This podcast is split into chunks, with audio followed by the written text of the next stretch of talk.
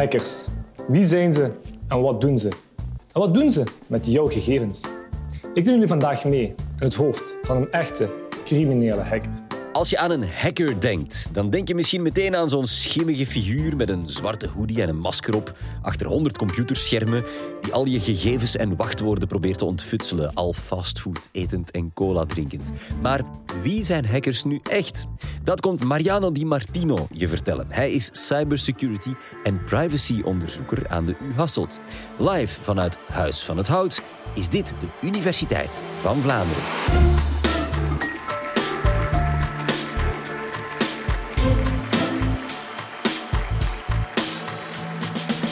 Vandaag ga ik beginnen met een tweet. Een tweet van de ex-president van de Verenigde Staten, namelijk Donald J. Trump. In die tweet, wat hij schreef enkele jaren geleden, had hij het over het feit dat hij ging spreken morgen op het San Jose Convention Center in Californië voor het allereerste National Achievers Congres.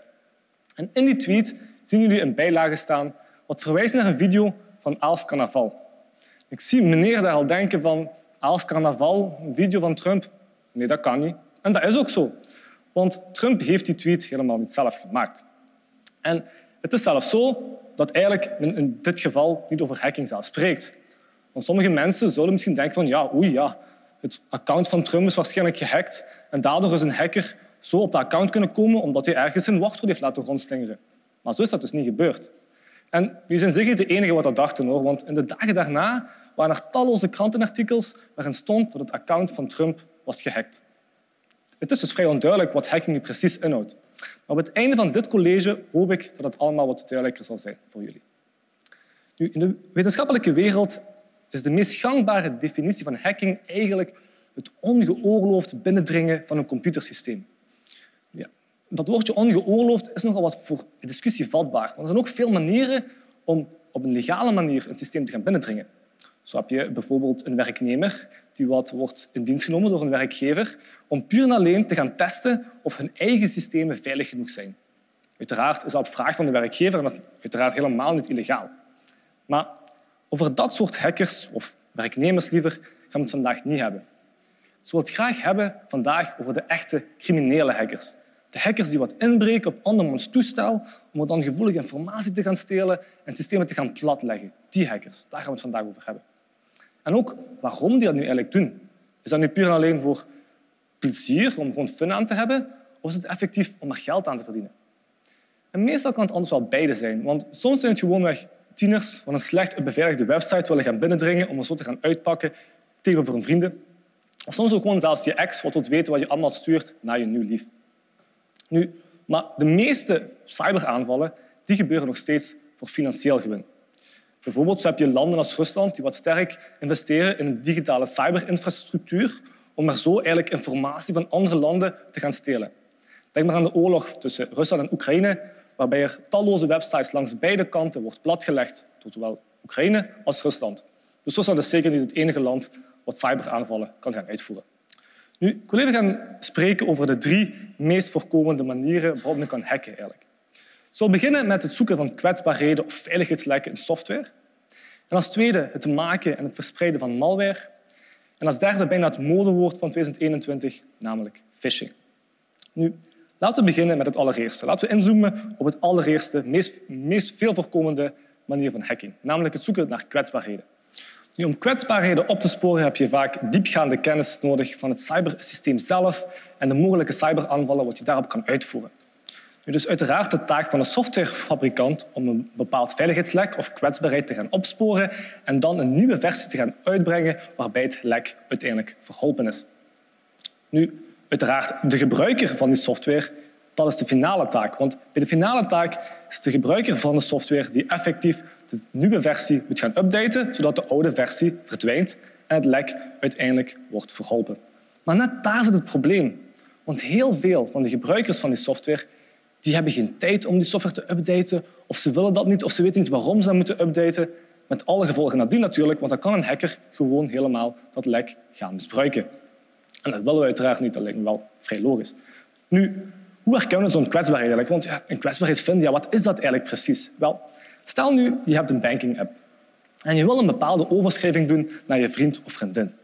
En stel je wilt 100 euro overschrijven. Dus wat doe je? Je pakt je banking op of je gaat via de website en je geeft het getal in wat je wilt overschrijven. Namelijk, laten we zeggen dat we 100 euro willen overstorten. Dus je geeft het getal 100 in en je drukt op overschrijven. Wel, wat gebeurt er dan? Het bedrag, of het, liever de rekening van jou kan verlagen met 100, terwijl de rekening van jouw vriend of gaat verhogen met 100, want je hebt 100 euro overgestort. Maar wat als we nu in plaats van 100 euro eigenlijk min 100 euro ingeven? Min 100 euro.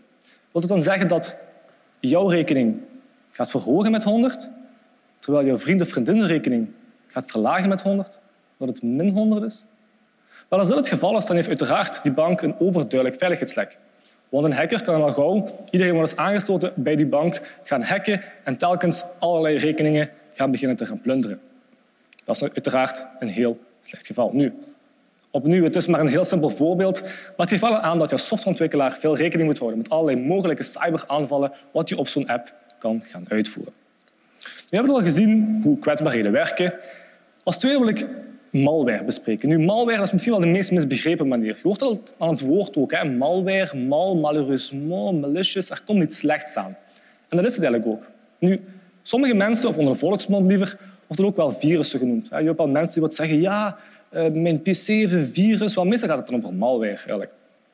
En malware dat is eigenlijk een stukje schadelijke code wat bijvoorbeeld je volledige systeem kan gaan platleggen, informatie kan gaan stelen of gewoon zelfs je gegevens kan gaan versleutelen en die daarna afpersen waarvoor je je dan terug kan krijgen. Nu, die malware, ja, hoe krijg je die op het systeem? Nou, je kan dat op verschillende manieren krijgen. Sommige mensen bijvoorbeeld die willen niet zo graag een dure Netflix-abonnement kopen of betalen liever. Dus ze gaan naar een illegale website om daar een of andere serie te gaan downloaden. Stel bijvoorbeeld, je wilt de Netflix-serie Squid Game bekijken. Dus je gaat naar die illegale website, je gaat die downloaden. Of misschien voor de ervaren generatie onder jullie misschien de film Footloose of Grease.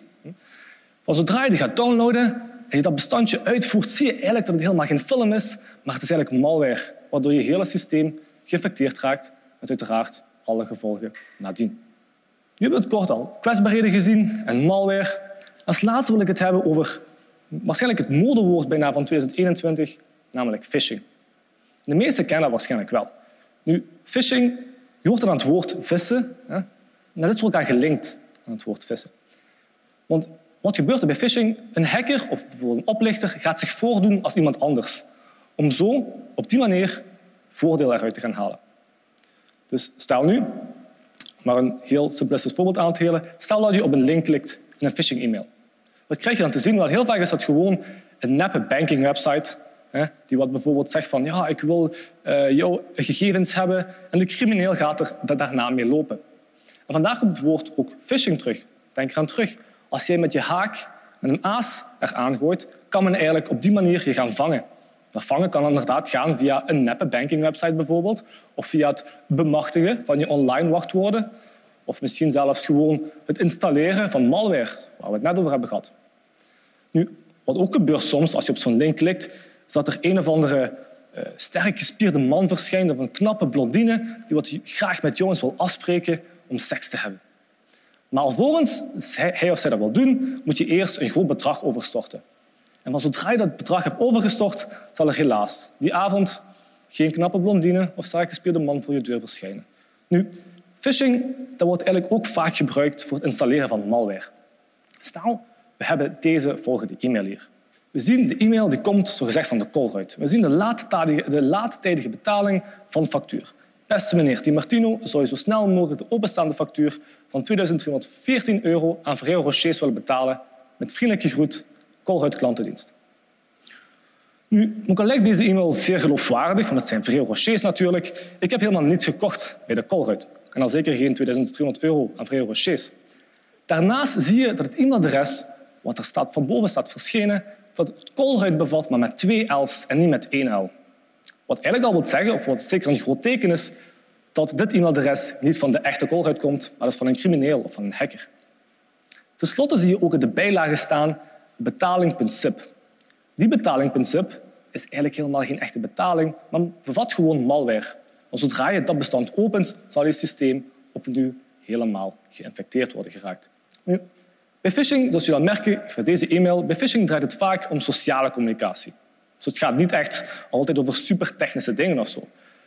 Bijvoorbeeld, het feit dat het draait om sociale communicatie wil ook zeggen dat men zich voordoet als iemand anders. Een hacker wil zich voordoen als iemand anders en op die manier jou iets te gaan loskrijgen of voorluiden gaan halen. En dat kan op veel verschillende manieren. Want denk maar eens na wat ik over jullie allemaal kan vinden online als ik jullie zou googlen. Hm, waarschijnlijk als jullie Facebook hebben, dan waarschijnlijk al jullie volledige naam, met jullie tweede of derde naam, jullie geboortedatum misschien als dat openbaar staat. Misschien een foto van op Instagram, misschien. Of je interesses op Pinterest of eBay als het openbaar is. Of je, waar jullie werken op LinkedIn misschien of een andere jobwebsite. Het is duidelijk dat je die informatie zo goed mogelijk kan beschermen. Nu, het is niet alleen jullie en ik wat kunnen vallen voor zo'n phishing-aanval, of zelfs bedrijven. Want wij hebben dat eigenlijk getest. We hebben eens getest van, oké, mensen vallen wel voor phishing-aanvallen, maar vallen bedrijven daar ook voor? Nu, het is zo, even een kort voorbeeld aan te halen. Het is zo dat als jij een klant bent bij een bepaald bedrijf, of je hebt er iets gekocht, dat je eigenlijk al je persoonlijke gegevens mag gaan opvragen bij dat bedrijf. Dat is omdat er een bepaalde wetgeving is die wat de privacy van de gebruikers moet gaan verbeteren. Dus stel nu dat ik wil weten wat mijn bank over mij weet. Dan kan ik een e-mail sturen naar mijn bank en vragen hey, ik ben Mariano Di Martino en ik wil graag mijn persoonlijke gegevens wat jullie over mij hebben. Uiteraard moet die bank ook goed gaan nagaan of ik wel echt de persoon ben als wie men ik voordoe. Want anders zou iemand anders dat gewoon ook kunnen doen en mijn gegevens op die manier gaan aanvragen. Dat is eigenlijk ook wat we gedaan hebben. We hebben dus met onze onderzoeksgroep een experiment uitgevoerd. We zijn allerlei grote internationale en Belgische bedrijven gaan contacteren en we hebben ons voorgedaan als iemand anders. Dus niet onder mijn naam als Mariano, maar wel onder onze collega. Laten we onze collega even Jos noemen, ter illustratie. Zo deden we. We stuurden een e-mail, we ons voor als Jos en we probeerden zo allerlei informatie van Jos te gaan losweken. Nu, opnieuw, die bank moet gaan verifiëren of het wel effectief van Jos komt en niet van een Fisher.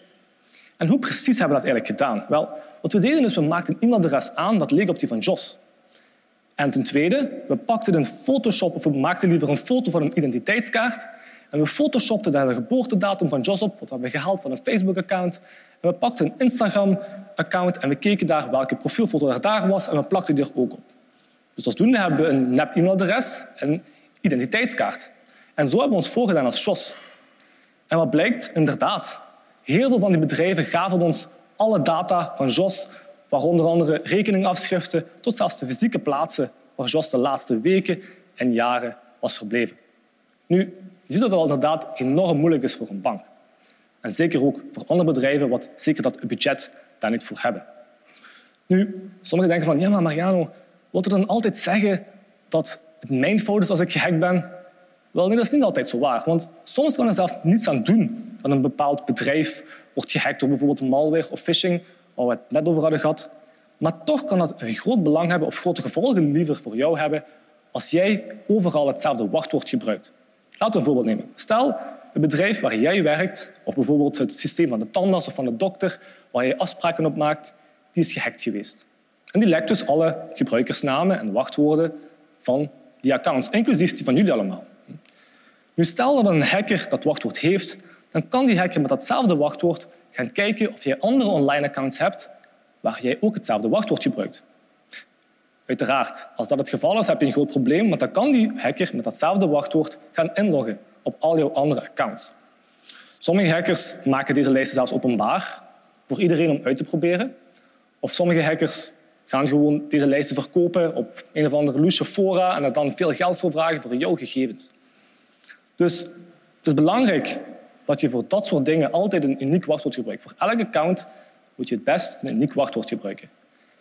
En als je dat te moeilijk vindt of je denkt van ik weet niet hoe ik dat moet bewaren, dan is er zoiets als een passwordmanager. Dat is een moeilijk woord, passwordmanager. Dat is eigenlijk een applicatie die wat ervoor gaat zorgen dat al jouw data veilig wordt bewaard. En als je dat zelfs te moeilijk vindt, dan is het zelfs beter om je wachtwoorden gewoon ergens veilig op te schrijven en veilig te bewaren. Veel beter dan dat je overal hetzelfde wachtwoord zou gaan gebruiken. Dus word ik gehackt, je zal al gauw gemerkt hebben dat de meeste vormen van hacking dicht met elkaar gelinkt zijn. Het is niet alleen jullie en ik en bedrijven die worden gehackt, want zelfs voor ervaren specialisten is het vaak nogal moeilijk om hier 100% tegen te gaan beschermen. Maar alle kleine beetjes helpen. En ik hoop dat ik met deze tips jullie online leven alvast wat veiliger heb gemaakt. Misschien toch nog maar eens nadenken over je 1, 2, 3 konijntje en andere wachtwoorden. Wil je trouwens weten wat je moet doen als je online gepest wordt? Scroll dan vooral verder naar aflevering 388 van deze podcast met Heidi van de Bos. Heel graag tot daar of anders tot een volgende keer.